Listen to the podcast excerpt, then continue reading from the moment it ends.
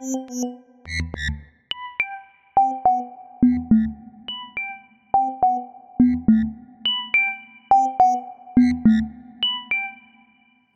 Jó estét kívánok, szervusztok! Köszöntöm az itt helyben lévő közönség tagjait, akik eljöttek ide most a Habitat Kreatív Központba. Köszöntöm az online közvetítés nézőit, és köszöntöm a podcast hallgató közönséget is.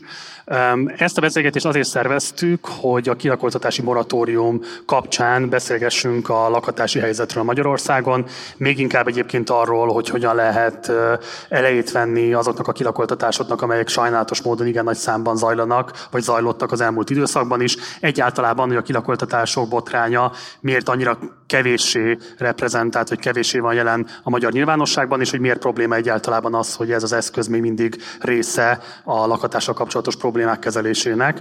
Ezt a beszélgetést a Város Minden Két csoport tagjai szervezték, és a Habitatnak nagyon szépen köszönjük a helyszínt, amit a rendelkezésünkre bocsájtottak. Egyébként meg a közvetítés, illetve a podcast beszélgetés hallgatóinak mondanám, hogy mindenképpen nézzék meg a Habitatnak a legutóbbi lakhatási jelentését, illetve kövessék a Facebook oldalukat, illetve ha szeretnének további információkat az ő lakhatási tevékenységükről megtudni, akkor a habitat.hu-n minden ilyen információt megtalálnak. És akkor fordulok a ma esti beszélgető társaimhoz. Itt ül mellettem Szegedi Dezső, szervusz! Szervuszok és elnézést a késésért. Itt ül mellettünk Misetics Bálint, szervusz! És Faragó Renáta, szervusz! És akkor kérlek, hogy vegyétek elő a mikrofonokat majd, és abban beszéljetek, hogy a közönség is hallja. Um, azzal akarom kezdeni, hogy egy picit uh, tegyük kontextusba azt, hogy mit jelent az, hogy uh, igazából tegnap éjféltől kezdődően kilakoltatási moratórium van egészen jövő év április 30-áig. Ez azt jelenti, hogy akinek esetlegesen uh, már bírósági végzés alapján meg kellett volna kezdeni vele szemben bárkinek is a kilakoltatását. Ezek most egészen április 30-áig ezek az emberek azt gondolhatják, hogy biztonságban vannak. Ebben az időszakban nincsen semmilyen jogcím, ami alatt kilakoltatás lehet kezdeményezni. Tehát pontosan mit jelent ez az intézmény Magyarországon? És akkor talán Reni. A kilakoltatási moratórium az tulajdonképpen a lakáskürítéseknek a végrehajtásának a tilalmát jelenti ebben az időszakban, azokban az esetekben, amikor valaki nem önkényes lakásfoglaló. Röviden. Hogy mit jelent az, hogy nem önkényes lakásfoglaló? Úgy van jelenleg abban a lakásban, amiben ő lakott, hogy annak valaha volt a használatára vonatkozóan jogcíme. Tehát a jogcím nélkületnek a kilakoltatás az a kilakoltatási moratórium ideje alatt is megtörténhet. Nem, pont azt akarom, tehát hogy most is lehet jogcím nélküli, mert korábban volt jogcíme, jelenleg jogcím nélküli, tehát mondjuk lejárt a bérleti szerződése, megkezdte a bírósági, bíróságon a lakáskürítési eljárást a tulajdonos, viszont november 15 és április 30 között ezt a lakáskürítést nem lehet végrehajtani tehát nem lakoltatható ki abból az ingatlanból, amiben ő tartózkodik, jogcím nélkül. Oké. Okay. Um, ugye a Város Mindenki csoportnak a működésére azt gondolom egyébként, hogy a közvetítés néző, illetve a podcast hallgatói valószínűleg ö, ö, tudják nagyjából, hogy micsoda, de mégis talán érdemes lenne elmondani azt, hogy mi az a kilakoltatási ügyelet, amelyet a csoport tagjai működtetnek. Egyáltalán ez milyen formában működik, mekkora, nem tudom én, körre terjed ki a működése, és aztán majd ezzel kapcsolatban lennének majd további értelmező kérdéseim. Most azt kérném első körben, hogy akkor magáról, a kilakoltatási ügyeletnek a céljáról beszéljetek röviden, Bálint. A, ugye a Város Mindenki az 2009-ben alakult, és elsősorban a, a hajléktalan, illetve lakásszegénységben élő embereknek a szerveződésbe való bevonását, politikai mobilizációját azt szolgálta, hogy tudjanak ezek az embertársaink is élni az állampolgári jogaikkal, hogy megjelenjenek ne csak mint közterületi probléma, és ne csak mint jótékonysági tevékenységeknek a címzetje, hanem mint legitim követeléseknek a megfogalmazói és a, a Város mindenki csoportban évekig volt arról egy közös gondolkodás egyébként, és mindenféle próbálkozások, hogy hogyan lehetne valamilyen segítő tevékenységet, kifejezetten a hajléklanáválás megelőzésével kapcsolatban úgy beépíteni a munkánkba, hogy az mégse legyen a klasszikus szociális szolgáltatás vagy szociális munka. És ez elsősorban azt jelentette, hogy a csoporton belül évekig kísérleteztünk azzal, hogy önsegítő csoportokat igyekeztünk facilitálni. Az volt az elképzelés, hogy hogy lakatási problémákkal küzdő emberek fognak majd tudni egymásnak segíteni tanácsokkal, tapasztalatokkal, elkísérni ide-oda, már van tapasztalata, el tudta intézni, segít a, a, a társának. És voltak ezzel kapcsolatban jó tapasztalatok is, ugyanakkor az kiderült, hogy beesnek úgy kilakoltatási ügyek, amelyek ezzel a lassabb, módszeresebb, segítő vagy önszerveződő, önsegítő munkával nem, nem kezelhetőek. És volt is arra egy nyomás, mert a Város Mindenki csoport az belülről egy nagyon-nagyon meglepően módszeres és leszabályozott szerveződés volt, hogy, hogy egyszerűen engedjük el azt, hogy minden ügyben tudunk segíteni. És voltunk néhányan, akiknek ez nagyon nehezére esett volna, hogy elengedjünk bármilyen ügyet, ahol az a tét, hogy valaki elveszti az otthonát. És akkor erre majd talán később visszatérünk, hogy ez, ez miért is olyan súlyos öm, veszély vagy miért is jár olyan súlyos következményekkel. És tulajdonképpen annak ellenére, hogy megbeszéltük, hogy nem tudunk minden ügyet fölvenni, vagy magunkra vállalni, azért csak nem tudtuk megállni, és elkezdtük az utolsó pillanatos ügyeket is valamilyen módon megpróbálni megoldani, és tulajdonképpen ebből nőtt aztán ki ezt a tevékenységünket igyekeztünk aként intézményesíteni, hogy elneveztük kilakoltatásügyeletnek, kifejezetten ehhez a tevékenységhez kezdtünk el önkénteseket gyűjteni, jelenleg hat kilakoltatás ügyelet tag van, és további nagyjából hat segítő, akik nem a sürgős ügyeket, hanem a kevésbé sürgős ügyeket viszik. Mindenki önkéntesen, tehát fizetés nélkül dolgozik, egy heti beosztás szerint, és a, a lényege tulajdonképpen a kilakoltatás ügyeletnek, hogy azokat a sürgős, tehát egy-két héten belül kilakoltatáshoz vezető ügyeket, ügyekben igyekszük megelőzni a kilakoltatást egyrészt és másrészt az érintettek hajléktalanná válását, amelyek minden más szempontból már menthetetlennek tűnnek tehát már nincs jogorvoslati lehetőség, vagy ami van jogi eszköz, annak nincsen halasztó hatája, és nem fut végig addig az eljárás, amíg kilakoltatnák őket. Vagy már és ezeket idézőjelben mondom, túl nagy az adósság.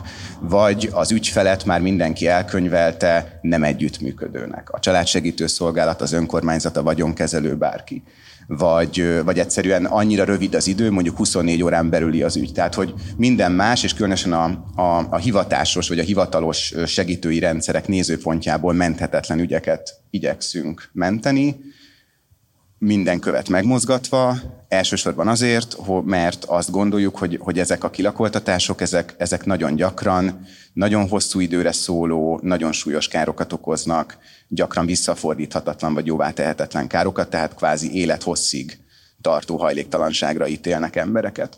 És a, a, valószínűleg a közönség, illetve a hallgatóság találkozott a, az elsőként lakhatás filozófiájával vagy módszertanával, és ez tulajdonképpen az inverze, ez a végsőkig lakhatás, tehát hogy ha, ha, má, ha még valaki nem hajléktalan, akkor tegyünk meg mindent annak érdekében, hogy ne váljon azzal.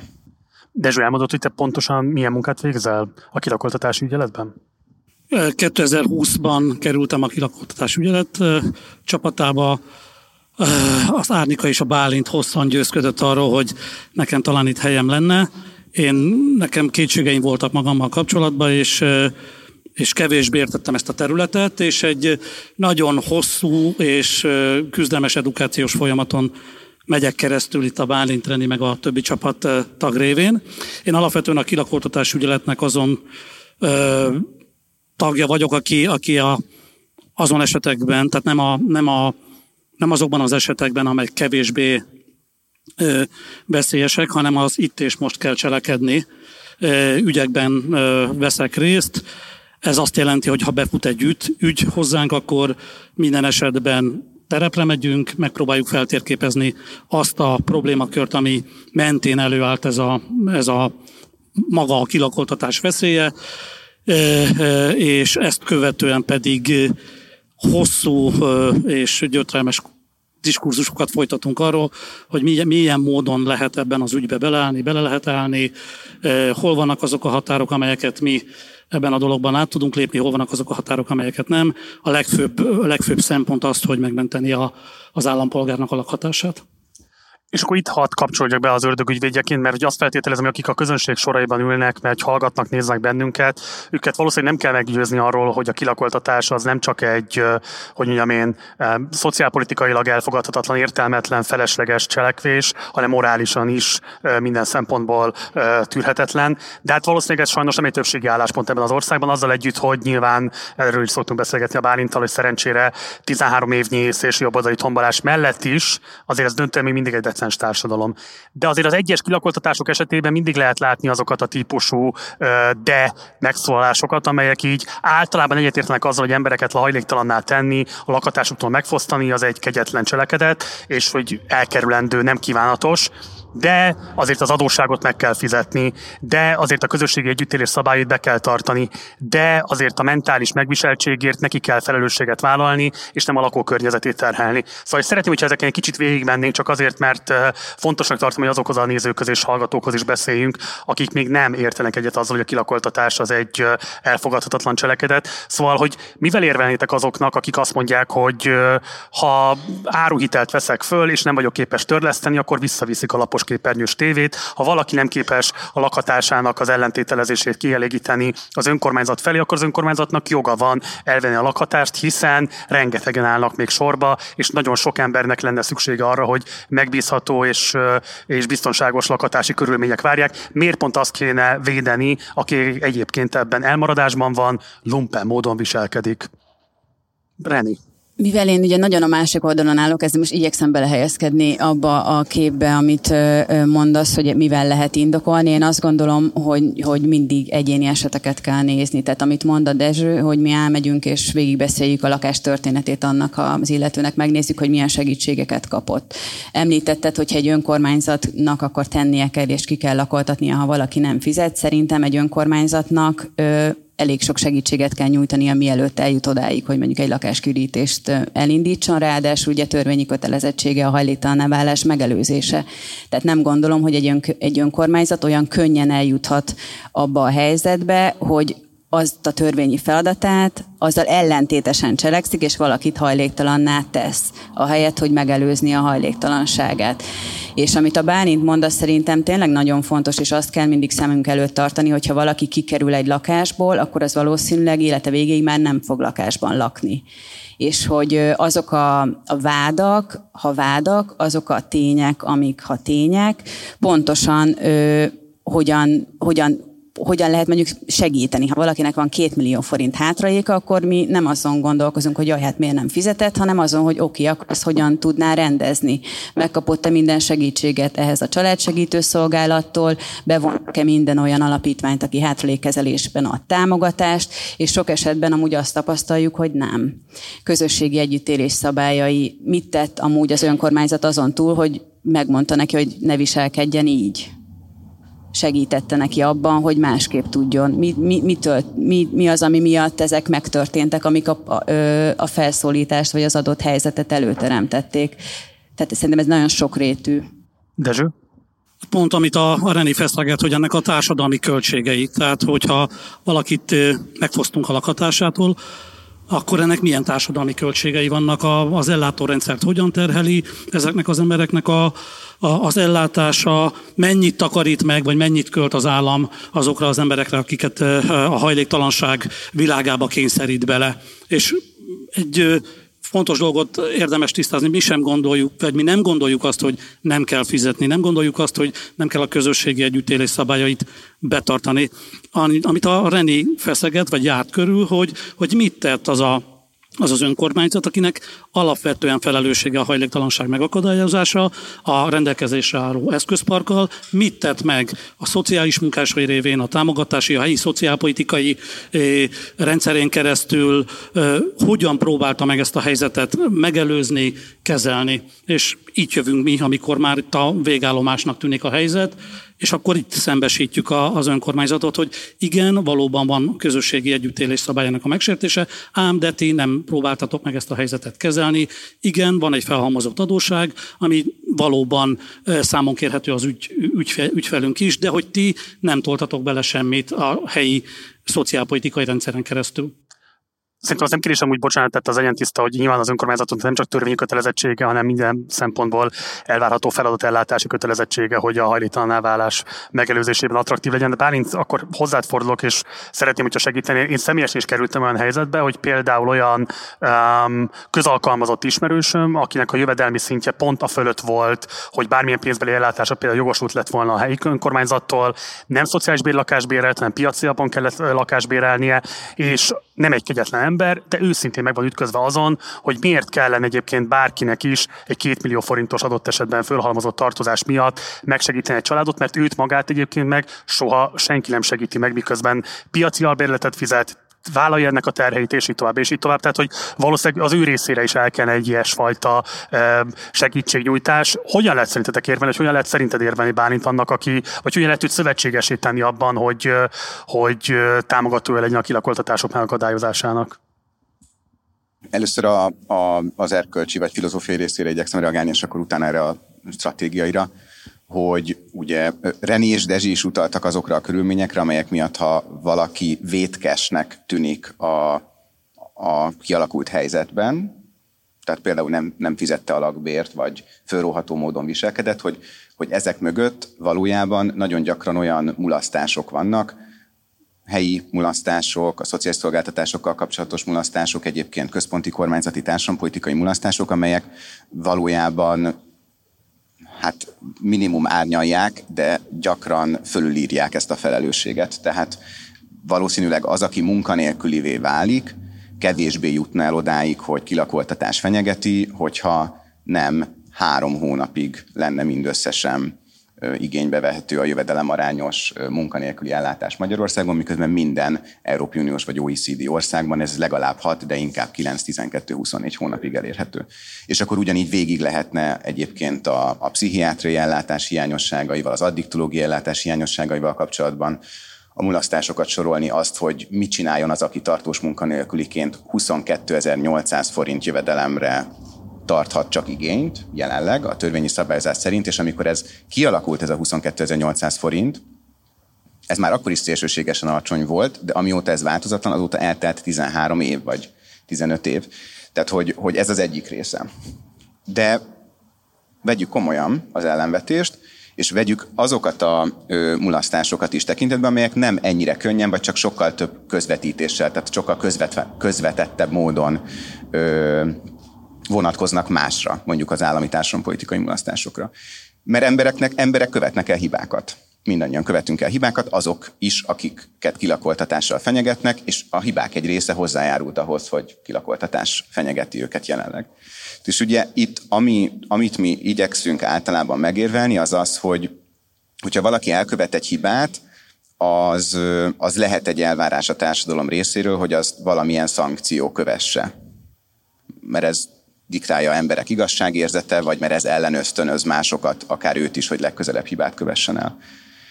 Csak ugye az a probléma, hogy általában a, az otthontól való megfosztás, meg a, valakinek a hajléktalanná tétele, és hangsúlyozom, hogy nagyon gyakran a hajléktalanságból való kilépés bármiféle reális esélye nélkül, az, az nincsen arányba azokkal a hibákkal, amelyeket esetleg, még ha ténylegesen föl is róhatunk valakinek, fölróhatunk neki. És ezt egyébként érdemes végig gondolni, hogy mindenféle szabálysértés, vagy akár bizonyos bűncselekményeket is, amelyeket sokkal súlyosabbnak ítélne meg bárki, itt az itt ülők közül, vagy a medián szavazó, mint azt, ami ezeknek az embereknek fölróható, és mégis hát figyelmeztetés, pénzbírság, esetleg egy három hónapos szabadságvesztést fölfüggesztve egy évre, ami azt jelenti, hogy ha utána jól viselkedik, akkor tulajdonképpen nincsen semmi probléma. Tehát, hogy e, az általában az ilyen ügyekben fölróható hibák vagy vétkeknél sokkal súlyosabb erkölcsi megítélésű problémákra, és valójában sokkal enyhébb szabálysértési vagy büntetőjogi szankciót alkalmaz ez a társadalom, mint azt, hogy élete végéig, de legalább is a belátható jövőben hajléktalanná teszi. És mi jelentős részben ezért gondoljuk ezt kegyetlenségnek.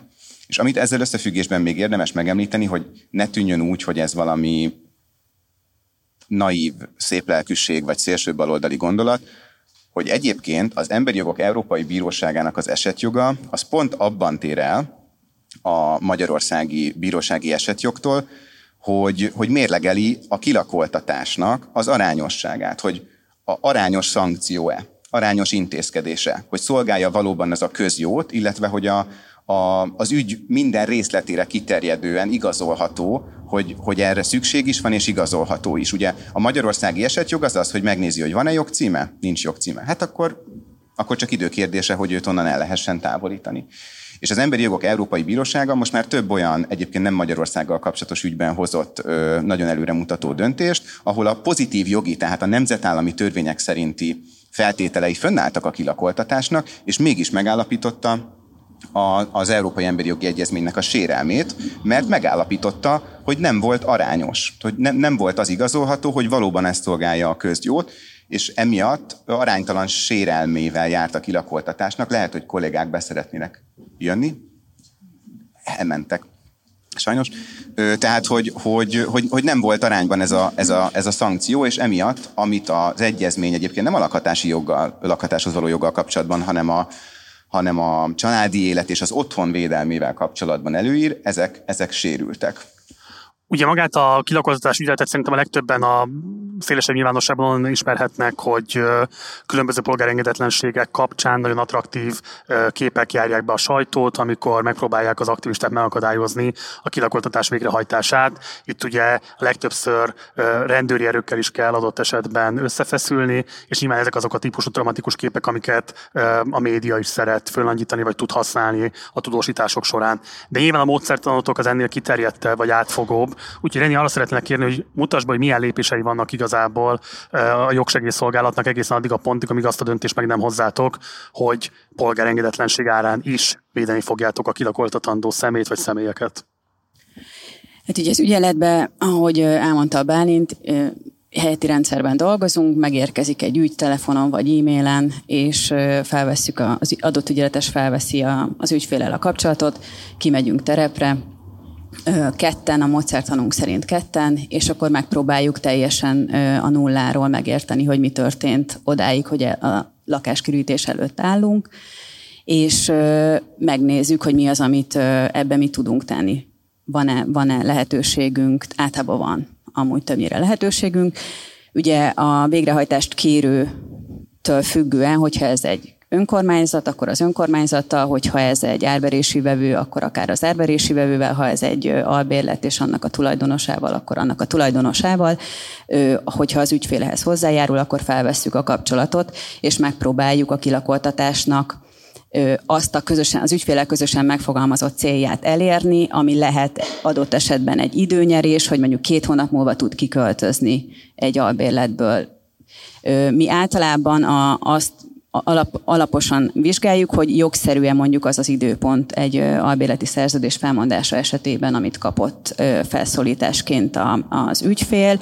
Hogyha itt jogszerűtlenség is felmerül, akkor nyilván az adott végrehajtást kérő vagy tulajdonos ugye még nem kérhet végrehajtást, mert ott még nem volt lakáskürítés, de hogy minden esetben a másik félel is igyekszünk felvenni a kapcsolatot, és kideríteni, hogy az ő oldaláról miért áll fenn ez a akár konfliktusos vagy jogszerűtlen helyzet, és hogy a munkánknak ez a tulajdonképpen az ügyeknek a 98%-ában ez a háttérben adott esetben rendeződik is. Tehát az, amit te mondasz, hogy látszik a médiából, az élőlánc, amikor eljutunk odáig, vagy az élőlánc előtt, amikor a nyilvánossághoz fordulunk, az tényleg nagyon a vége, és hogyha három napunk van rá, vagy négy napunk van rá, vagy két hetünk van rá, akkor is tulajdonképpen ugyanazokat a lépéseket mindig lefuttatjuk. Tehát mi addig nem kezdünk el a nyilvánosság előtt egy ügyről mondjuk egy önkormányzatot támadni, amíg nem tárgyaltunk azzal az önkormányzattal, és nem érezzük azt, hogy nincsen más lehetőség, lehetőségünk, mint hogy a nyilvánosság bevonásával kell nyomást gyakorolni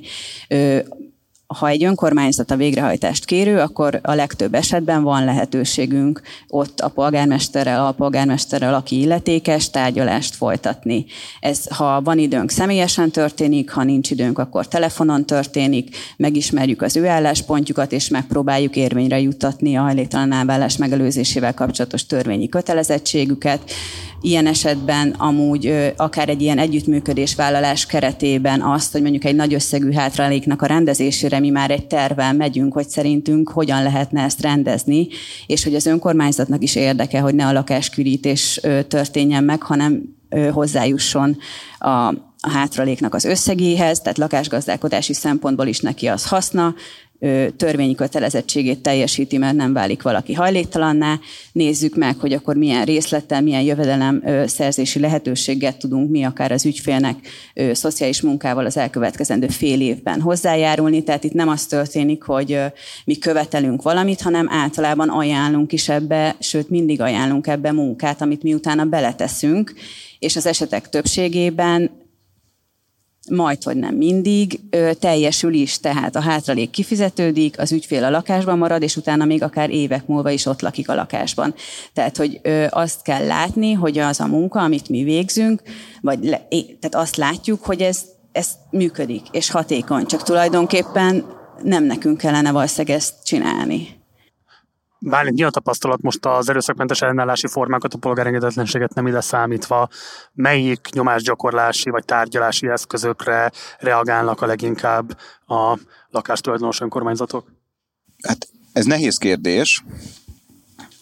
A, azért ez nagyon eltérően kezelik a kilakoltatásokat egyes önkormányzatok, és van, ahol inkább az bosszantó, hogyha egyébként a közreműködésünk nyomán ennyire könnyen első szóra sikerül elérni a kilakoltatásnak a leállítását, akkor hogy fordulhatott elő, hogy egyébként nélkülünk eljutott idáig az ügy, és akkor még hány ilyen indokolatlan kilakoltatásra kerülhet sor, ami esetleg nem jut el hozzánk, mert az ügyfél nem tud arról, hogy, hogy tőlünk is kérhetne segítséget, és más esetekben pedig pedig éppen ellenkezőleg minden követ tényleg meg kell köze, ö, mozgatni annak érdekében, hogy sikerüljön a kilakoltatást megelőzni. Szerintem ha, ha leegyszerűsítek, vagy nagyon sok részletkérdéstől elvonatkoztatok, akkor az egyik a, valóban az az út, amit a, a Reni mondott, hogy egyébként nem ragaszkodik minden áron a kilakoltatáshoz, mondjuk egy végrehajtást kérő önkormányzat, és hogyha biztosítottnak látja azt, hogy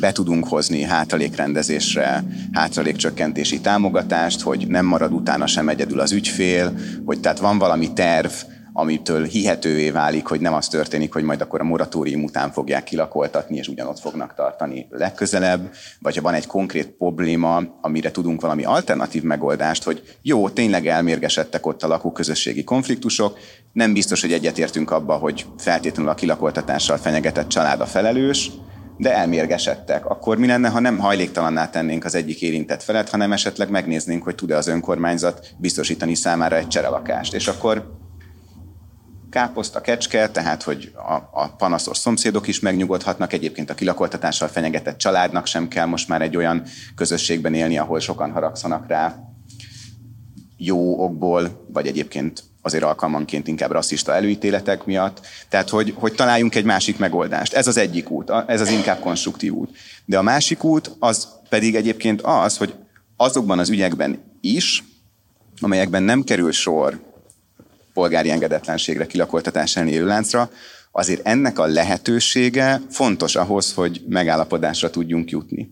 Mert ugye egyes önkormányzatok önmagában attól, hogy van konstruktív javaslat, vagy terv a megoldásra, vagy hivatkozzuk az önkormányzati törvény hajléktalanná válás megelőzésével kapcsolatos törvényi kötelezettségére vonatkozó passzusát, nem fogják meggondolni magukat, viszont meggondolják magukat attól esetleg, hogy beárazzák politikailag azt a költséget, amit számukra az okozna, hogyha az esti híradó, meg az újságok, hírportálok arról számolnának be, hogy ők utcára tettek egy, és akkor ügytől függően gyermekes családot, egy idős, ápolásra szoruló ö, hölgyet, bárkit. És ö, tehát ugyan az eseteknek a nagyon-nagyon kis részében kerül csak sor polgári engedetlenségre, ennek az oldalnak a tárgyalási pozícióját javítja ennek az eshetősége. Nem azért, mert ezzel fenyegetőzni kellene feltétlenül, hanem mert hogy lehet arról, lehet tudni a város mindenki csoportról, hogy ez benne van az eszköztárában, hogy nem csak szépen kérni tud, hanem tud polgári engedetlenséget vagy kilakoltatás ellen élő láncot is szervezni.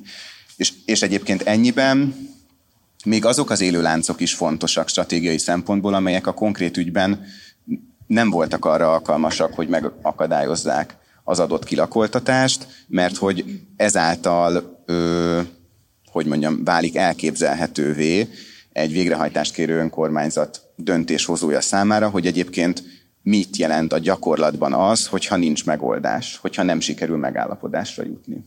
És ez, ez egyébként ilyen értelemben egy ilyen realista megközelítése annak, hogy hogyan születnek önkormányzati döntések, hogy, hogy igen, nem mindig elég a döntéshozó lelkiismeretére vagy az önkormányzat törvényi kötelezettségeire appellálni. Tehát kell valami más.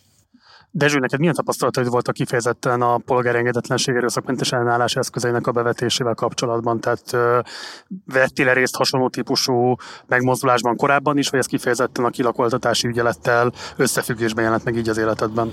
Nem vettem részt annak ellenére sem, hogy tagja vagyok a kilakoltatási ügyeletnek. Ennek az volt az oka, hogy olyan munkahelyen dolgoztam, ahol ezt nem vállalhattam fel. Tehát, de ezt nyíltan meg is beszéltük a, a, a közösségen belül, és ezt abszolút tolerálták, tehát hogy nem egy ilyen nem egy kényszerközösségnek vagyok a tagja, ahol, ahol ukázok vannak, hanem, hanem abszolút odafigyelnek szolidárisan a, a, a, az elemi igényekre.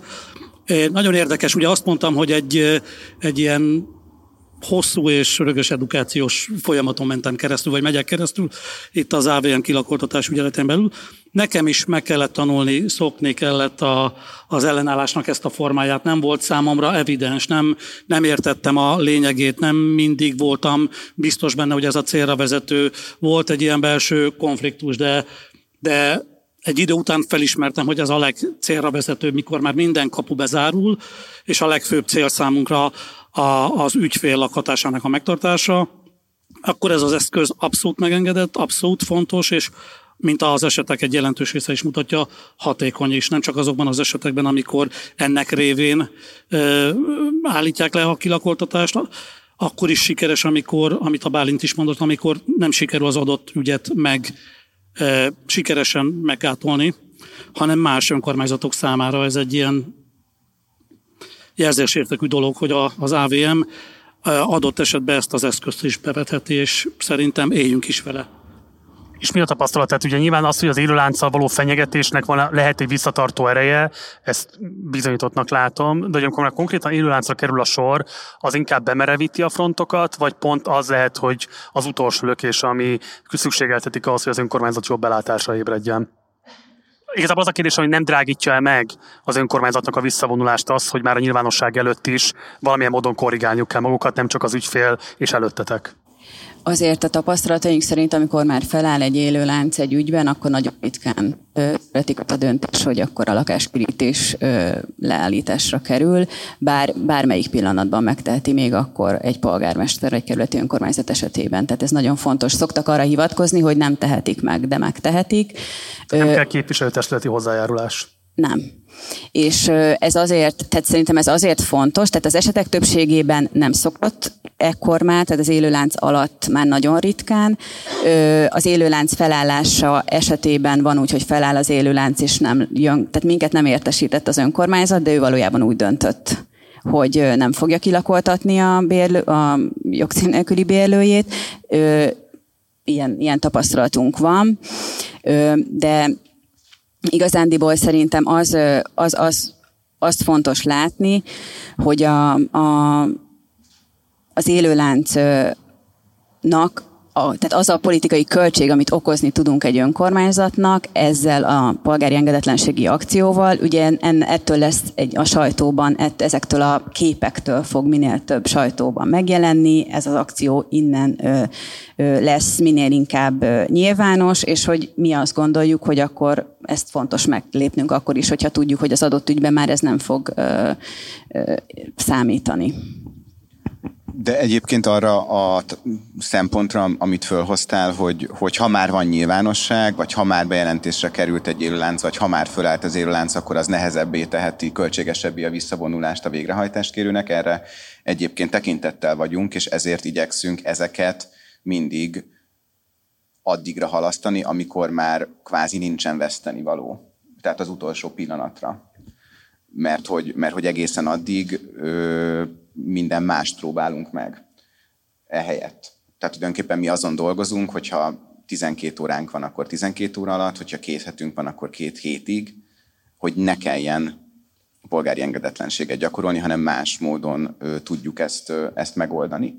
És ez nem, egyébként nem csak stratégiai kérdés, hanem politikai, filozófiai kérdés is, mert hogy, hogy, a, hogy mi azt a hagyományát valljuk a polgári engedetlenségnek, ami azt mint ki szokott derülni, bizonyos körülmények között igazolhatónak gondolja, de az illetnek az igazolhatóságnak egy fontos feltétele az, hogy előtte minden rendelkezésre álló egyéb eszközt jó hiszeműen igyekez megtenni, és ha ezek nem járnak eredménnyel, akkor ebben az erkölcsi értelemben a felelősség arra, hogy erre, ennek az eszköznek az alkalmazására került sor, nem a polgári engedetlenséget gyakorlóké, hanem a másik oldalé, mert hogy nem hallgatták meg, nem vették tekintetbe, nem válaszoltak, nem jó hiszeműen tárgyaltak, elutasították a megoldást, és így tovább. És hogy mi erről nyíltan kommunikálunk, tehát hogy tudják, hogy mi az a határidő, amikor mondjuk nyilvánosságra fogjuk hozni az ügyet. Tehát, hogy nem az van, hogy akkor egyszer csak random módon kimegy a nyilvánosság elé, hanem hogy tényleg tájékoztatjuk a döntéshozót, hogy akkor ha eddig meghozza a döntését, akkor utána tudunk, vagy utána fogunk a nyilvánossághoz fordulni, ha ez nemleges. És még azt akartam mondani, az előbb csak elfelejtettem, hogy amúgy meg volt arra példa, hogy annyira későn érkezett be az ügy hozzánk, hogy az élőlánc amiatt, hogy felállt, és amiatt, hogy nem kezdték meg a lakáskürítést, az alatt, az egy óra alatt el lehetett érni a lakáskürítés leállítását, tehát hogy ilyen is van. Olyan is van, Tatabányán történt ebben az évben, hogy az élőlánc felállt, és a rendőrség azt mondta, hogy ő nincsen az volt a jegyzőkönyvben, hogy nem hajtotta végre a végrehajtó a lakáskürítést, mert nem volt rá fel, nem, voltak adottak a feltételek. nem voltak adottak a feltételek. Tehát, hogy azért ez a, ezek a ritkábbak, de hogy ez fontosnak tartottam, hogy hangozzék el, hogy ö, azért van erre példa. Időt lehet nyerni, sokszor az élőlánc alatt is ugye tárgyalunk, tehát hogy ö, sőt, szinte mindig tárgyalunk az önkormányzat alatt a polgármesterrel közvetlenül, vagy az alpolgármesterrel, aki a döntéshozó. És mi a tapasztalat? Nyilván mondtátok, hogy mindegyik eset külön, vagy egyedi ilyen szempontból, tehát nem biztos, hogy lehet mondani általánosságban bármit is, de azért megkérdezem. Szóval, hogy mi a tapasztalatotok döntően, mik vezettek oda, hogy egy önkormányzat végül azt a döntést hozza, hogy a lakáskiürítés mellett teszi le a voksát. Tehát ez általában inkább anyagi okok, a felhalmozott hátralék, a szociális munka helybeli elégtelensége, vagy közösségi együttési szabályok megsértése, tehát a lakókörnyezetből érkező és az önkormányzat számára politikailag adott esetben nehezen menedzselhető kifogásoknak a kezelése az, ami leginkább motiválja ilyenkor az önkormányzati döntéshozatalt? Hát mindezeknek a mixtúrája szerintem, vagy az én tapasztalatom szerint van, amikor kizárólag a, a felhalmozódott közüzemi díjhátralékok és a és a, a lakbérhátralék, de, de az esetek döntősösségében nagyon rétegzettek vagy összetettek az ügyek. Tehát amiket felsoroltál, azoknak a mixtúrái állnak elő egy adott ügyben az esetek döntő többségében? Szerintem egy kicsit hozzájárul az is, amit te mondtál, hogy ugye önkormányzati bérlakásra minden kerületben, illetve fővárosi önkormányzatnál is ugye rengeteg igény volna, és hogy ők mindig azt, én azt látom ezekben a tárgyalásokban, hogy miért, miért neki aki nem, nem élt vele, nem fizette ki, miért, miért nem viselkedett rendesen, mert lenne más, aki lakna ebben a lakásban, és ő érdemesebb erre. Tehát na, szerintem ez, ez úgy ott lehet a döntéshozók fejébe, hogy hát akkor más rászorulónak segítek, nem azzal, akinek problémája van. Bocs, ez egy nagyon nehéz helyzet lehet nyilván, tehát hogy itt most nem csak feltétlenül rasszista érvek szólhatnak az érdemesség megléte vagy nem léte mellett, hanem adott esetben tényleg megalapozott, adott esetben a környe, lakókörnyezetből érkező panaszok, amelyeket nyilván, hogy mondjam, egy politikailag motivált önkormányzat ki tud használni. Szóval a kérdés igazából arra irányul, hogy ilyen esetben például Bálint hogyan lehet segíteni az önkormányzatot, hogy ne abban legyen érdekelt, hogy felszabadítson egy újabb lakást, és azt általa érdemesebbnek tekintett bérlők számára biztosítsa. A, a közösségi együttés szabályának a megsértés ez egy ilyen nagyon-nagyon furcsa, alulszabályozott szürke zóna abban az értelemben, hogy, hogy ha nem is vagyunk jogászok, vagy nem foglalkozunk ezzel, azért van egy ilyen jogérzékünk azzal kapcsolatban, hogy ha valakit megvádolnak valamivel, akkor, akkor minek kell történnie, azt a vád és a büntetés között, hogy akkor meg kell, tehát ilyen az a hallgattassék meg a másik fél is, vagy esetleg valami független szereplő mérlegelje a bizonyítékokat, valaki ismerhesse meg a vádat, mondhassa el a saját álláspontját, egyebek. És ugye ezekben az ügyekben mindezek a kvázi jogállamisághoz, vagy a tisztességes eljáráshoz való joghoz köthető feltételek és érzékenységek nagyon gyakran, nagyon súlyosan sérülnek. És egyébként az egyik ügytípus a közösségi ügyítélés szabálynak a megsértése miatt indított lakáskirítési eljárásokon belül, az pont az, amikor, amikor a Városmilyen két csoport önkéntesei egyrészt megtanulják az önkormányzattól, hogy hogy ez a probléma, vagy ez az indoka a kilakoltatásnak, és akkor a lakókörnyezetben kezdenek, vagy kezdünk terepmunkába, akkor járjuk végig a szomszédokat, és beszéljük meg, hogy tényleg. És akkor egyébként az esetek egy részében az derül ki, hogy így valójában a szomszédok túlnyomó többségének nincs egyáltalán problémája, azt se tudjuk, hogy, azt se tudják, hogy kiről beszélünk, tehát egyszerűen valószínűleg nem okozott nagy érdeksérelmet, nekik nem tűnt föl, mert két emelettel följebb lakik, vagy bárhogy. A másik az, aki kifejezetten baráti viszonyt ápol vele, vagy hangsúlyozza, hogy semmi problémája nem volt, aztán van az az eset, amikor amúgy volt vele problémája, de nem gondolja ő se arányosnak emiatt utcára tenni a gyerekeivel együtt, vagy a nagyszülőjével együtt, vagy bármi. És akkor ezeknek az ügyeknek egy részében nagyon gyakran kiderül, hogy ami az önkormányzat szempontjából ez egy ilyen, ami egy ilyen kezelhetetlen, elmérgesedett ö, lakóközösségi konfliktus, az valójában egy, esetleg kettő szomszédnak az ilyen nehezen kibogozható konfliktusa, ami messze nem olyan egyoldalú, hogy mindig a panaszolt tehet róla, és nem esetleg fordítva, tehát hogy nem egy szimmetrikusabb viszonya. És akkor például voltak olyan kilakoltatások, amelyeket úgy sikerült megakadályozni, hogy az önkormányzat azt mondta, hogy itt a lakóközösség már ezt tűrhetetlennek tartja, és muszáj neki.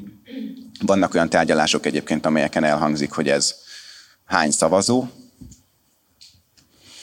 Ö, és akkor mi pedig gyűjtjük, gyűjtünk aláírást mondjuk a, a szomszédok kétharmadára kiterjedően, akik azt mondják, hogy soha semmi probléma nem volt vele, és hogy elvárják az önkormányzattól, hogy ne tegye hajléktalanná, és akkor onnantól, de hogy ezt, ezt nem biztos, szóval, hogy mondjam, ezt, ezt a Reni utalt arra, ezt egy visszatérő ö, toposza lehetne a beszélgetésünk, és ezt nem nekünk kellene csinálni.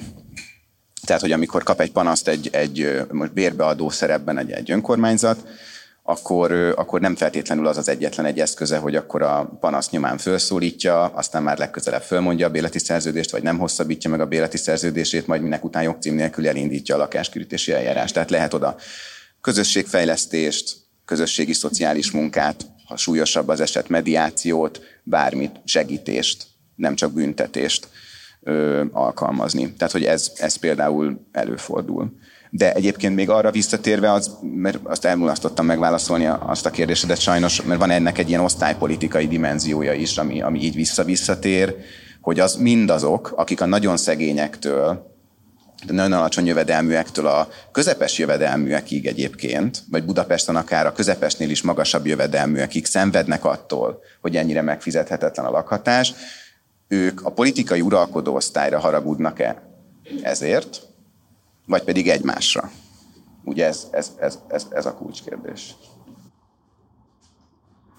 Ha megengedik, rá, rácsatlakoznék erre, mert eh, hoztál egy példát, eh, hogy ha valaki nem fizet, vesz egy lapos tévét, nem fizet, akkor joggal mondja a szolgáltató, hogy akkor azt a lapos tévét vissza kell vinni, de a magyar valóságban a, a, az ingatlan, a lakás nem egy olyan jószág, mint egy lapos tévé, amit bármikor könnyen le tudsz cserélni. A magyar valóságban az ingatlanok többsége magántulajdon, és az önkormányzatok egy pici százalékával rendelkeznek a, a, az ingatlan állománynak. Ebből az alapállásból az a végletesség van, amit a, a Bálint mond, hogy ha valaki ebből a önkormányzati, egy önkormányzati berlakásból kikerül, akkor végletesen megszűnnek az esélyei arra, hogy a, a lakhatása rendeződjön, és hát valóban itt jön benne ez az osztály szempont, amikor, amikor a te középosztálybeli barátod joggal veti fel, vagy dühösen mondja, hogy őt miért nem támogatja, vagy ő miért nem kap támogatást, akkor ez a torz társadalompolitikai rendszerünknek az egyik ilyen megnyilvánulása, hogy részben van egy ilyen maradékelvű szociálpolitikánk, ami viszonylag keveset juttat a szegényeknek, van egy olyan társadalompolitikánk, amelyik túltámogatja az egyébként jelentős vagyonnal és jövedelemmel rendelkező embereket, és a kettő közötti résre meg nem fordít figyelmet, ellátatlanul hagyja. Bár, csak, hogy ezt lehozzam a valóságra, azért a legutolsó élőlánca a két csoportnak az egy olyan ügy volt, ahol egy gyermekes családot egy 26 négyzetméteres földszinti, a lakószobát tekintve természetes fény nélküli és WC nélküli lakásból történt. Tehát, hogy a, a valóságban azok ezért gyakran ilyen körülmények, tehát, hogy, hogy, hogy a pici, eleve túlzsúfolt, rossz elhelyezkedésű, rossz minden, picit penészes is, tehát, hogy, hogy ez, legalább ez maradjon. Tehát, hogy, hogy most csak az, az jutott eszembe, hogy a jogos vagy nem jogos, de indulatos ö, középosztálybeli barátod egyébként szeretett volna beköltözni a Kispest egyik szegregátumában lévő 26 négyzetméteres földszinti természetes fény nélküli, WC nélküli lakásba azonnan kilakoltatott gyermekes család helyére, tipre nem. Én ehhez csatlakoznék, mert nekem is eszembe jutott, hogy a, a barátjaim mondjuk azt szokták kérdezni, hogy oké, okay, megértik, hogy egy önkormányzat. Na de mi van az árverési vevővel, mi van egy albérlet tulajdonossal, aki nem tudja kitenni azt a bérlőjét, aki nem fizet és hogy én azért gondoltam, egy picit csak egy mondatot röviden erről szerintem beszéljünk, hát ha érdekli a hallgatóságot, hogy azért ezekben az esetekben mi gyakorlatilag a jogszerűség betartatását vizsgáljuk. Tehát mondjuk árverési, árveréssel kapcsolatos ingatlan esetében mondjuk akkor volt élőláncunk, amikor a lakáskürítés nem volt jogszerű egy albérleti szerződés felmondásánál megnézzük, hogy akkor adott-e elegendő időt, illetve a tárgyalásnál, ahogy mondtam is, mind az árverési vevőnél, mind az albérlet tulajdonosánál felmerül, hogy oké, okay, de hát nem tud hova menni, mi segítünk, adj légy szíves még két hónapot. És akkor adott esetben ilyenkor keressük meg aztnak a kerületnek a az önkormányzatát, mert azt gondoljuk, hogy a hajléktalanná válás megelőzése az önkormányzatnak a feladata, hiszen előírja számukra az önkormányzati törvény, és biztosítson neki önkormányzati bérlakást, mert itt lesz egy hajléktalan ember, aki eddig soha nem volt hajléktalan, ha most hajléktalan lesz, mert nem kap egy szociális bérlakást, amit meg tud fizetni, mást nem tud megfizetni a piacon, ez is fontos. Tehát, hogyha valakinek van annyi jövedelme, hogy meg tudna fizetni, nem megyünk az önkormányzathoz, hogy adj neki bérlakást. Tehát, hogy egy picit ezt a részét szerettem volna még hangsúlyozni. A ti tapasztalataitok szerint van-e érdemi különbség a kormánypárti, illetve ellenzéki vezetésű városrészek között? Tehát lehet-e azt mondani, hogy a kilakoltatás az inkább a kormánypárti polgármestereknek és képviselőtestületeknek a hóbortja, vagy azért az a helyzet, hogy itt a 2019-ben megszerzett polgármesterek, vagy megszerzett polgármesteri helyeket birtokló ellenzéki politikusoknak is hát volna még mit fejlődniük? Reni? Szerintem nincs különbség. Olyan értelemben, hogy van különbség. Tehát a kilakoltatások amelyen ügyekkel mi találkozunk, abban szerintem nincsen különbség. Abban lehet különbség, hogy sikerül-e megakadályozni a kilakoltatást, és abban most mondjuk az, hogy jövőre választások vannak, az igen, sokat segít. De gondolom, az visszatartó erő minden persze, oldal számára. Persze. Viszont szerintem azt itt megemlíteném, hogy adott esetben a 2019-ben ellenzéki politikusként polgármesterré vált esetekben a lakásgazdálkodásnak az áttekintése, vagy annak az átlátása, hogy a folyamatban lévő lakáskürítésekkel mi hogy történik, sokszor nem jut el a döntéshozóig. És hogy amiről beszélt a, a Bálint, hogy van olyan, hogy tehát miért nekünk kell felhívni a figyelmet arra, hogy mondjuk a lakásrendeleted miatt nem tudod rendezni a jogcím nélkül 20 éve ott élő ö, rászoruló polgárnak a lakhatását, vagy a jogviszonyát. És ilyen esetekben mondjuk egy, egy ellenzéki politikussal jobb tárgyalási helyzetben vagyunk. De az, hogy milyen gyakori, tehát melyik oldalról jönnek be mondjuk a kilakoltatási ügyek, azt szerintem, szerintem kb. ugyanaz, vagy nem Bálint. végzünk erre statisztikát ugye úgy kezdte a Reni a válaszát, hogy, hogy nincs ilyen összefüggés, illetve hogy van összefüggés, és én is így tudom kezdeni a válaszomat, hogy, hogy az, hogy ellenzéki, nem ellenzéki, ez, ez így nem egy, ö, nem egy jó rendező elve a tapasztalatainknak. Ugyanakkor az nyilvánvaló, hogy a nyolcadik kerület esetében, vagy a kilencedik kerület esetében azért radikálisan más a helyzet 2019 előtt és után. Első kerület esetében, ha már is. Igen, igen. Hát mondjuk ott korábban sem volt kiemelkedően sok ügyünk, de igen, igen, abszolút. És hogy a, a mondjuk a 8-9 az még arra is példa, hogy, hogy jó példa, hogy nem csak a, az utolsó pontot, a kilakoltatást máshogy kezelik, hanem hogy van egy átfogó elképzelés arra, és azon igyekeznek módszeresen dolgozni a szabályozás átalakításával, egyebekkel, hogy egyébként úgy általában legyen hatékonyabb, méltányosabb a, a, a lakásgazdálkodás. Ugyanakkor, hogyha az újpesti vagy 15. kerületi tapasztalatokra gondolok, akkor azok az ügyek tulajdonképpen megtörténhettek volna olyan önkormányzatokban is, amelyeket a kormánypárt vezet. Tehát önmagában attól, hogy ellenzéki egy kerület, az nem, az nem, nem hogy mondjam, senki se szabad, hogy, hogy ezzel összefüggésben meg még egy csomó más kérdéssel összefüggésben megnyugtasson. Én azt látom, hogy van valamilyen intézményi edukáció ebből a szempontból, hogy a Habitat, vagy az AVM, vagy más hasonló típusú szervezetek azért az ajánlásaikkal, a szakmai véleményükkel igenis tudnak hatni nyitott szellemű kerületvezetőkre, vagy, vagy városvezetőkre. Ezek az üdítő kivételek, hát van még mit tanulni ebből a szempontból, de csatlakozok Bálinthoz meg Renihez, hogy ebből a szempontból nincs különbség, hogy ki kormánypárti és ki, ki ellenzéki városvezető vagy kerületvezető. Jó, tehát hogyha a lakás kiürítések elrendelése szempontjából nincsen különbség, akkor azért mégiscsak az a feltételezés, és ti is erre utaltatok, hogy azt gondolom, hogy ellenzéki önkormányzatokra könnyebben tudtok nyomást gyakorolni, már csak azért is ezt feltételezem, és akkor ezt nyugodtan mondjátok ki, vagy mondjátok el részletesebben is, hogy ugye mindketten a fővárosi önkormányzatnál dolgoztok. Ez jelente bármilyen szempontból tárgyalási pozícióban jobb helyet, mint hogyha csak mondjuk nem tudom, a Dezső, mint kilakoltatási ügyeletes aktivista venné fel a telefont és próbálna, nem tudom én, jobb belátást elérni az önkormányzati vezetésnél? Rólam nem tudják szerintem, hogy a fővárosi önkormányzatnál dolgozok, tehát én nem vagyok arca sem az AVM-nek, sem a fővárosi önkormányzatnak, szóval Marci, köszi. És ezt... Nincs. Tusé. De akkor Bálint tedd át a szót te. Amikor a minden követ megmozgatni kifejezést használtam, annak egy csomó diplomáciai szál megmozgatása is a része.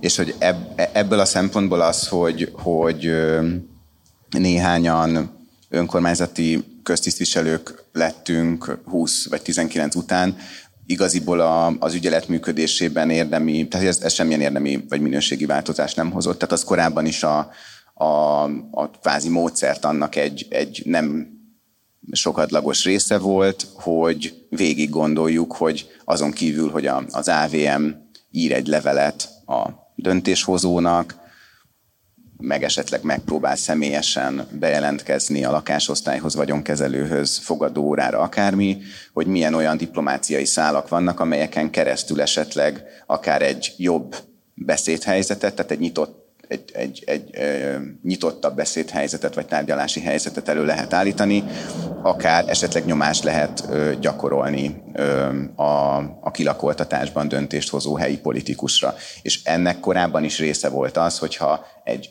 MSZP-s politikus dönthet a kilakoltatás leállításáról, akkor nem haragszik meg valószínűleg, ha mondom, akkor például a Lendvai Ildikót fölhívjuk, hogy tud-e esetleg abban segíteni, hogy legyen megegyezés. És akkor vannak... És van még olyan szimbolikus tekintet, hogy ezt be tudja ilyenkor vetni?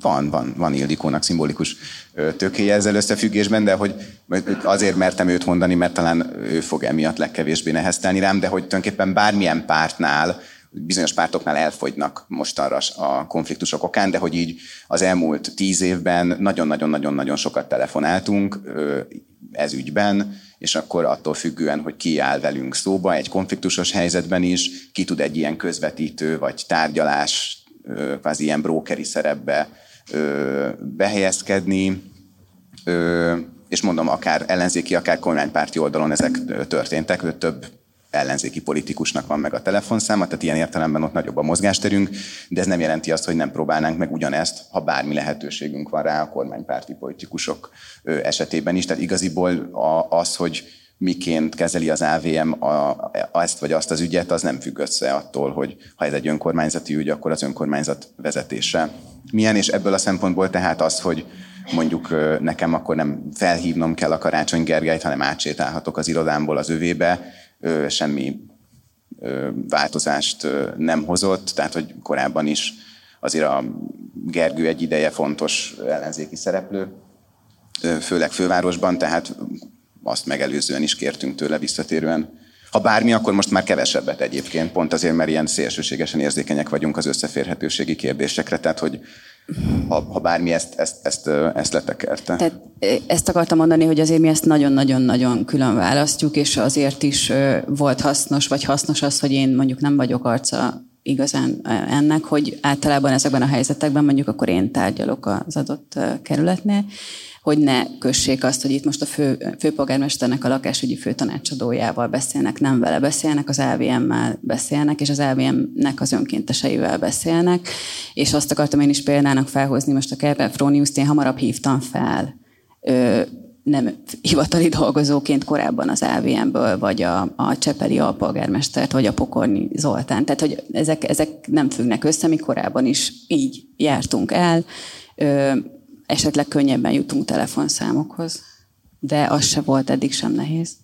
És akkor a beszélgetés utolsó részéhez közelve beszéljünk egy kicsit a megoldások lehetőségéről is, és aztán hogy lesz lehetőség közönség kérdéseket is föltenni.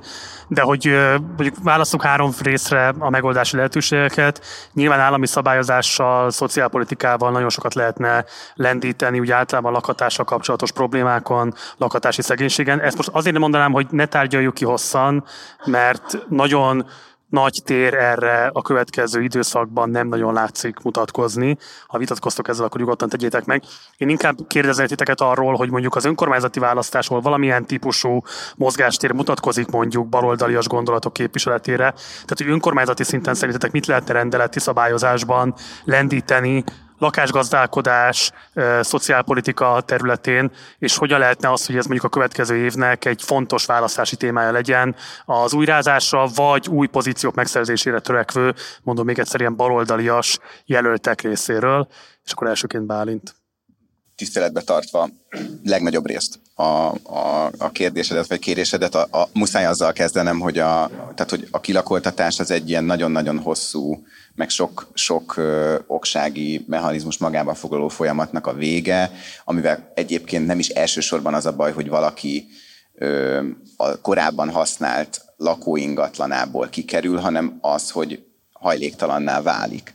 Tehát, hogy, hogy egyébként egy végrehajtási rendszernek, meg egy magánbéleti szektornak, meg egyebeknek az egy nehezen megkerülhető része, hogyha valaki, hogy, hogy legyen egyébként a lakások használatára, vagy az ingatlanok használatára kapcsolatos végrehajtási cselekmény is.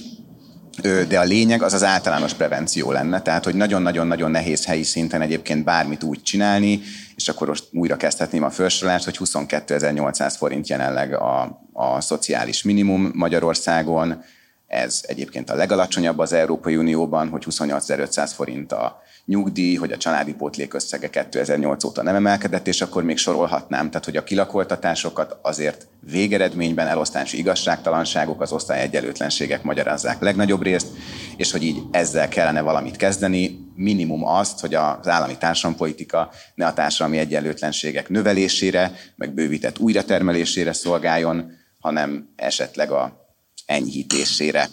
És akkor helyi szinten viszont ugye a, a, azért az AVM-be több olyan ügy jön be, ami a kilakoltatásoknak csak a kisebbsége egyébként, vagy kisebbik része, ahol a végrehajtást kérő az az önkormányzat. Van egyéb ügy is, elárverezett ingatlanból történő kilakoltatás, magánbérleti szektor, de azért felülreprezentáltak jelentősen ezek az önkormányzati ügyek. Egyébként azért is, mert hogy ugye itt a legnagyobb a hajléktalanná válás kockázata. Tehát, hogy azért az nem minden árverezést követő kilakoltatás vezet ahhoz, hogy valaki elveszíti a lakhatását. Az adott ingatlant elveszti, de egyébként esetleg tud bérelni, valakihez összeköltözni, egyebek. Tehát a, hogyha, és itt a legközvetlenebb egyébként az önkormányzatoknak a felelőssége. Elsősorban egyébként a kerületi önkormányzatoké, nem azért, nem az előbb említettek miatt mondok, hanem azért, mert az önkormányzati törvény a kerületi önkormányzatokhoz, illetve országosan a települési önkormányzatokhoz rendeli a hajléktalanná válás megelőzésének a biztosítását, és itt a biztosítását döltelszedve mondom, tehát nem az elősegítését, hanem a biztosítását a hajléktalan válás megelőzésének, és ugye tulajdonosként Budapesten azt a 40 ezer köztulajdonú lakást, azt legnagyobb részt 97%-ban a kerületi önkormányzatok kezelik. Tehát a leges-legelső dolog az az volna, hogy a helyi lakásrendelet az olyan legyen, hogy biztosítsa, hogyha van valami probléma, fizetéssel, valamilyen egyéb felmondási jokkal kapcsolatban, akkor az érintettek idejekorán kapjanak segítséget, és hogy egyébként segítséget is tudjanak kapni, tehát hogy ne csak büntetni lehessen, hogyha van valami probléma, hanem legyen segítség is. Ugye legalább olyan szabályok ne legyenek a lakás rendeletekbe, amelyek kifejezetten a hajléktalanná válás irányába taszítják az embereket. Mondok egy példát, hogy ha valaki esetleg nem tud fizetni, munkanélkülé válik, betegség, bármi, akkor ugye egy adott ponton elveszíti a, a bérleti jogviszonyát, és utána a legtöbb önkormányzat elkezdi duplájára, triplájára, akár ötszörösére emelni a korábbi bérleti díját. Ugye? Tehát, hogy ő nem tudta fizetni a 20 ezer forintos bérleti díjat, akkor számlázzunk ki neki ezután 60 ezret. Azt se tudja fizetni, és még mindig bent van, akkor legyen 80 ezer. És hogy ez, ez, ez, ez a bevet módja. Tehát ez, ez nem egy extremitás, amit akkor a, nem tudom, a Kocsis Máté által vezetett Józsefváros, hanem ez az alapértelmezett szabályozás a budapesti kerületi és megyei jogú, városú, vagy megyei jogú városok lakásrendeleteiben. Tehát, hogy például esetleg ilyenek ne legyenek benne. Mert egyébként az a két millió forint meg egyéb adóság összejön, azért az részben ezek miatt jön össze. Vagy mondok egy másik példát, hogy a, a pénzbeli ellátásokról szóló rendelet, ez egy másik rendelet, esetleg biztosítson tisztességes lakásfenntartási támogatást. Esetleg ne zárja ki a jogcím nélkülivé vált lakókat a lakásfenntartási támogatásból. Mert ugye az is logikus, hogy nem probléma volt, nem tudott fizetni, fölmondtuk a szerződését, úgyhogy most már nem, nem segítünk neki havi 5000 forinttal se, hogy esetleg fűteni tudjon. Hogy az adóság kezelési szolgáltatásba beférjenek többen, ugye az egyszerre egy támogatás és egy szolgáltatás adószágkezelési tanácsadással is, némi kontrollal egyébként, tehát az azt jelenti, hogy akkor havonta be kell hozni a számlát, bemutatni, hogy befizettem, ezt akartam csak mondani, tehát sokszor az adósságkezelésben is kizárják azt, akinek hátra, nagy összegű hátraléka van, mert túl magas, nem kezelhető, 300 ezer forintnál nagyobb, vagy 400 ezer forintnál nagyobb. Tehát, hogy így tényleg a szabályozással nagyon sok minden eldől, hogyha még egy segítőkész önkormányzatnál, még egy, seg- egy jól képzett, vagy a munkáját jól végző szociális munkás sokszor eszköztelen a saját önkormányzatával szemben, hogy ne lakoltassák ki az ügyfelét. Ugye neki azon kellene dolgoznia, hogy ő ne váljon hajléktalanná. De sok esetben azt látjuk, hogy annyit tudnak tenni, hogy akkor keresnek hajléktalan szállót. Igen, bocs, pont ez lett volna a harmadik láb, amire akartam kérdezni titeket, tehát hogy a rendeleti szabályozás mellett a helyi adósságkezelési megoldások tekintetében például melyik önkormányzatot tartjátok a legpéldamutatóbbnak, ha van egyáltalán ilyen? Én e tekintetben elfogult vagyok, mert az egyik kerületi önkormányzati szabályozást más minőségben ö, részben én írtam, de a, a most, most arra egyébként nem tartották karban elromlott, de az zuglói önkormányzatnak a, az a, a rendelete által szabályozott adósság csökkentési támogatás, adósságkezelési szolgáltatás az, az logikájában ö, szerintem példamutató, de egyébként a Józsefvárosi önkormányzatnak meg az a gyakorlata példamutató, hogy ők csináltak egy külön programot a más eszközökkel nagy, ö, már kezelhetetlen nagy hátralékoknak a ö, kezelésére.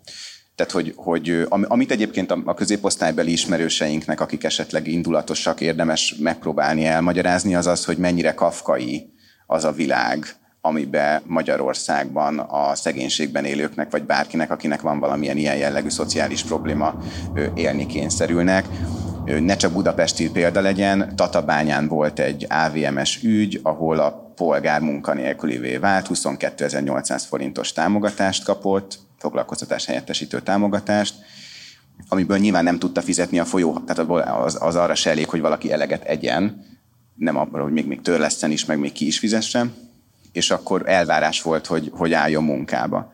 Akkor el tudná kezdeni törleszteni, igen ám, de hogy amikor, ha meg munkába áll, akkor meg már rögtön nem volt jogosult adósságcsökkentési támogatásra, mert hogy ott, ha magasabb a jövedelmed, azt hiszem 90 ezer forintnál az egyfőre eső, akkor nem vagy rá jogosult. Tehát, hogy Értitek, és még hogyha 6 órában minimálbérére elhelyezkedik, akkor is magasabb lesz 90, és egyébként mi, mire elég 90 ezer forint. Szóval, hogy nagyon-nagyon-nagyon-nagyon sok ilyen szabály van, ami lényegében eltéríti még az egyébként elvben vagy papíron létező segítőszolgáltatásokat, és amit még mindenképp érdemes kiemelni, az a, az a puhább része, az a szociális munka, szociális szolgáltatások része.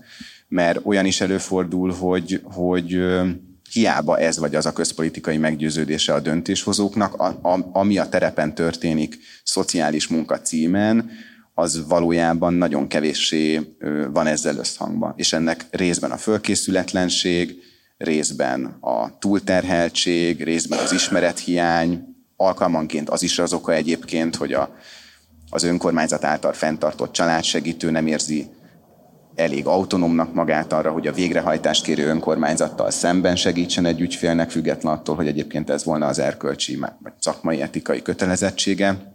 Tehát, hogy ezt a részt is, ezt a puhább részt is muszáj fejleszteni. Nem, nem szeretem volna általánosítani, néha kiválóan együtt tudunk dolgozni a családsegítő munkatársakkal, de azért elég sok problémát tapasztalunk ezzel kapcsolatban, és ezekkel mi kapcsolatban mindig nagyon erősen érzünk. Arra csatlakozunk, amit a Bálint mondott, hogy tekintve és ismerve az önkormányzatok mozgás lehetőségét, anyagi lehetőségeit, mindazonáltal mégis meg lehet próbálkozni valamilyen innovatívabb helyi társadalompolitikával, például a kokáért egy ilyen alapjövedelem jellegű juttatás bevezetésével, és azoknak az automatizmusoknak a beélesítésével, amelyek, amelyek valóban arra szolgálnak, hogy hogyha veszély van, akkor, tehát még, még a veszély elhárítását megelőzve. Tehát ne, ne alakuljon ki olyan helyzet, és ehhez kell a, a hard eszköz, a jogszabály, a, a helyi, helyi rendeletek, helyi társadalompolitika, valamint a soft eszközök, a, a, a segítőszolgáltatások, amelyek valóban automatizmusként működnek, és hogyha van valamilyen pályáról letérés, fogalmazunk így, akkor azonnal bekapcsolnak ezek a mechanizmusok, és nem jut el az ügy abba a fázisba, ahol nekünk kell adott esetben érőláncolni. Jó, akkor gondoljátok végig, hogy volt esetleg bármi, ami kimaradt, és még szeretnétek, hogy elhangozzon majd, de előtte fordulok a nézőközönség soraihoz, hogy van-e bárki kérdése, amit szívesen föltenne a panel részvevői számára, ott a kérdés, tessék. Akkor mielőtt választható csak a közvetítés hallgatóinak ismételni meg, tehát arra irányult a kérdés, hogy mit lehet tenni akkor, amikor valakinek a polgárengedetlenségben való részvétele, ami azon akadályoztatva, hogy ennek súlyos egzisztenciális körül követe, vagy következménye lennének, tehát az állását veszélyeztetve, vagy bármilyen más formában veszélyt jelent rá, és hogy milyen konkrét tapasztalatotok volt, mit lehet tenni akkor, hogyha konkrétan egy ilyen negatív következmény le is sújt az adott aktivistára önkéntesre. Én nem emlékszem, hogy ilyen munkával kapcsolatos. Az, hogy valaki megsérül, az, az, az előfordul, és az is elég súlyos következmény. Az, hogy mennyire traumatizál egy ilyen helyzet, az is szerintem így lelkileg megterhelő. Azt hiszem, hogy akik vállalják ezt, azok tisztában vannak vele, hogy az általában nyilvánosságra kerül, és meghozzák előtte azt a döntést, hogy, hogy akkor ebben nem vesznek részt, vagy részt vesznek nagyon-nagyon fontos szerepben, mondjuk bent vannak a kilakoltatás előtt álló ügyféllel, az egy nagyon nehéz szerep, és nekünk az nagyon-nagyon jó, hogy valaki ott van, vagy közben tárgyal, tehát hogy így a háttérben vagy szervezi a sajtót, vagy a Facebook élőt, tehát hogy így vannak különböző feladatkörök, amikben nem kell vállalni azt, hogy, hogy bent vagy a, az élőláncban. Dezső? Mint ahogy említettem, én tényleg nem egy kényszerközösségnek vagyok a tagja is, és abszolút a demokratikusság szellemében megértették itt a, a kollégák, hogy abban az élethelyzetben ez számomra egzisztenciális kihívást okozott volna, hogyha részt veszek, bár én ezt újra gomboltam magamba, és azt gondolom, hogy 51 évesen nekem már nincs kedvem tartani, megfélni semmitől, úgyhogy ezt a fajta távol maradásomat, ezt itt én már zárójába is tette. Igen. Csak akkor a közvetítés részére. Tehát a lényeg az, hogy mivel kilátástalan az, hogy az állam bármilyen módon is ö, ö, érdemben lépjen föl a kilakoltatások megakadályozása érdekében, milyen civil, alulra jövő lehetőségek lehetnének ahhoz, hogy ö, a hiányzó szolgáltatásokat ilyen módon, akár magánfinanszírozásban pótolni lehessen majd biztos mond erre a Bálint valamit. Én az előbb körben akartam mondani a rendeletnél, hogy szerintem mondjuk rendelet is szabályozhatná azt, hogy mikor avatkozik be egy szociális munkás egy hátralékosnak a az életébe szociális munkásként.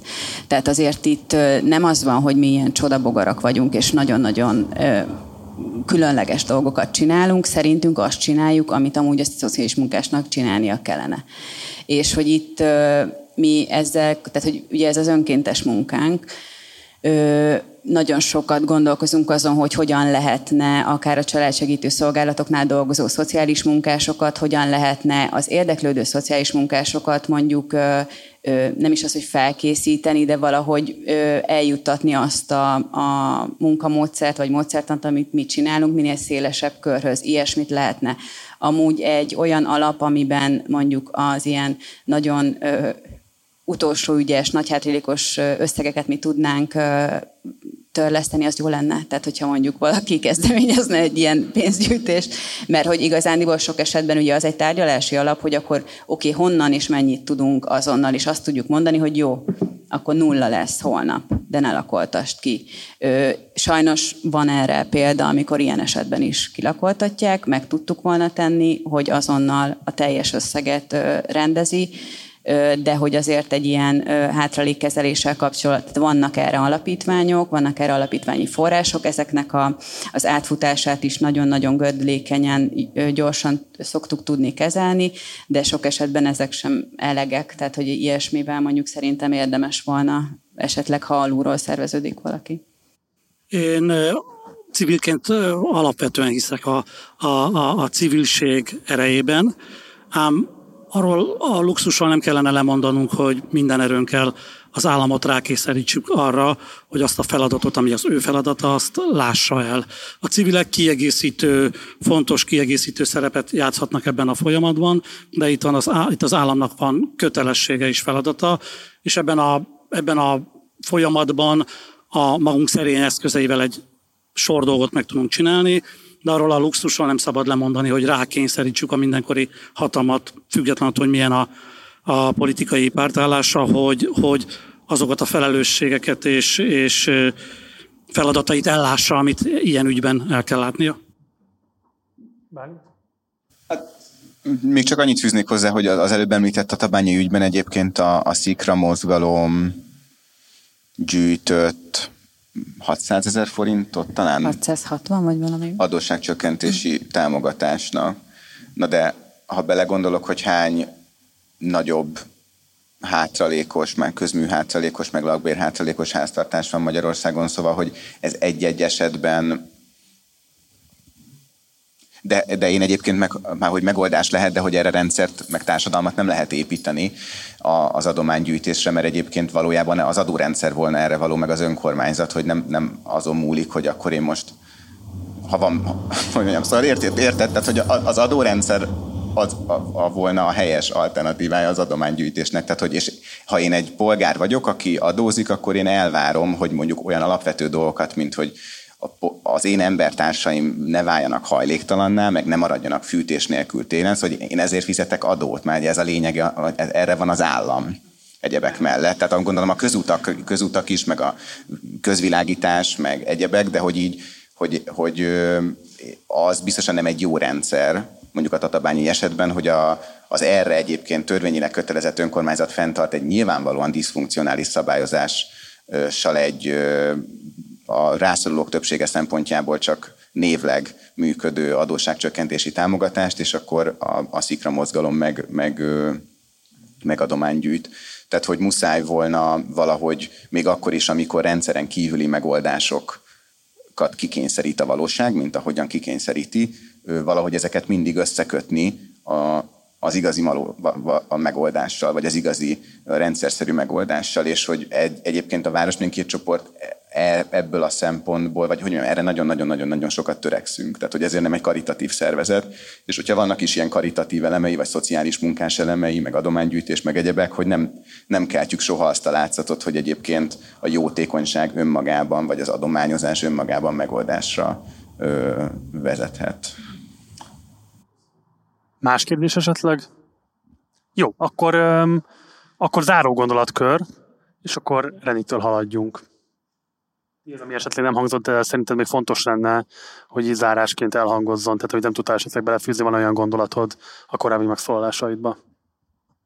Nekem nincsen, egy picit talán azt hangosítanám ki, amit a Bálint mondott, hogy, hogy, hogy mi örülnénk, ha ezt nem kellene csinálnunk. Vagy nem, tehát az, hogy ez lehetne a motto, hogy ezt nem nekünk kéne csinálni, én személy szerint örülnék is, hogyha ezt nem nekünk kellene csinálni. Tehát, hogy néha kívülről úgy, úgy tűnhet, mintha nekünk ez így a hobbing, meg hogy ezt így nagyon élvezzük, hogy ott nem tudom, vagy szok, szokott ez lenni az AVM-ről a vélemény, hogy na, oda mennek, és akkor ott nem tudom, erősködnek a, a, a hatósággal, meg a végrehajtóval, meg nem tudom, szeretnek szerepelni a médiában, nem. Tehát, hogy én sokkal, örülni, sokkal jobban örülnék, ha ezt nem kellene csinálni, hogyha foglalkozhatnánk azzal rendszer szinten, ami a munkánk, csak azzal, abban több energiánk lenne, foglalkozhatnánk a családunkkal, több időnk lenne rá, de hogy egyszerűen, hogyha azt érezzük, hogy ettől sajnos, vagy tehát, hogy az történik, hogy ettől mi azt látjuk, hogy ettől laknak emberek, hogy mi ezt csináljuk és ha nem csinálnánk, akkor kevesebben laknának már lakásba, és hogy ez egy tök súlyos teher amúgy szerintem így mentálisan is, hogy akkor így ebből hogy szállsz ki, meg mikor.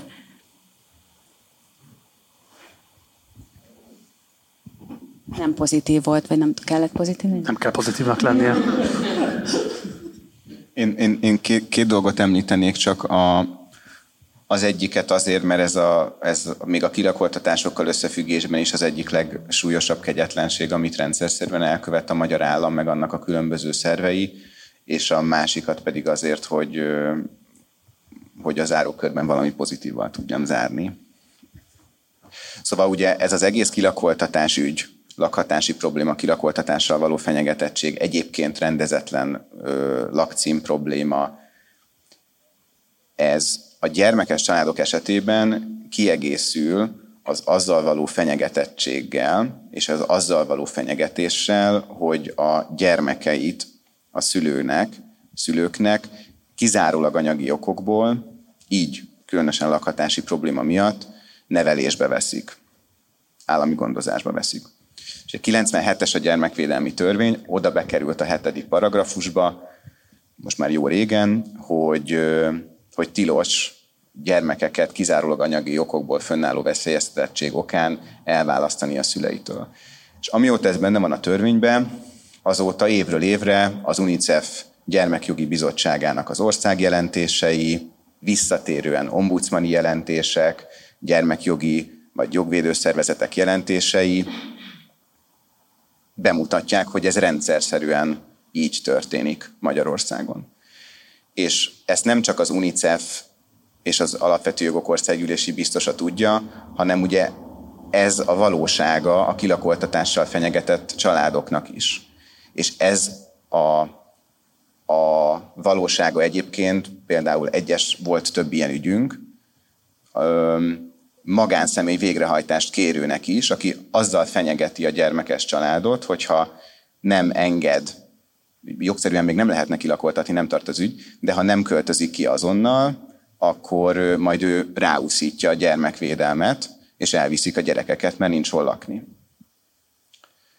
És ugye az, hogy lehet a gyermekvédelemmel fenyegetőzni, mert hogy gyermekes családokat lehet fenyegetni a gyermekvédelemmel, és hogy a kilakoltatás által fenyegetett családok gyakran úgy érzik, hogy nekik titkolózni, rejtőzködni kell, azok elől, a szervek elől, akiket ugye azért fizetünk, hogy a gyermek jólét, meg a gyermek védelem ügyét szolgálják, ezek, ezek nagyon-nagyon-nagyon-nagyon extrém dolgok, és, és már hogy kegyetlen dolgok. És kegyetlen az is, amikor ez ténylegesen megtörténik, és ténylegesen anyagi okokból elválasztanak gyermekeket ö, a szüleiktől, de az is kegyetlen, amikor ettől megalapozottan kell félnie, egyébként még sokkal-sokkal-sokkal több gyermekes családnak, mint a hányal, aztán ez ténylegesen megtörténik.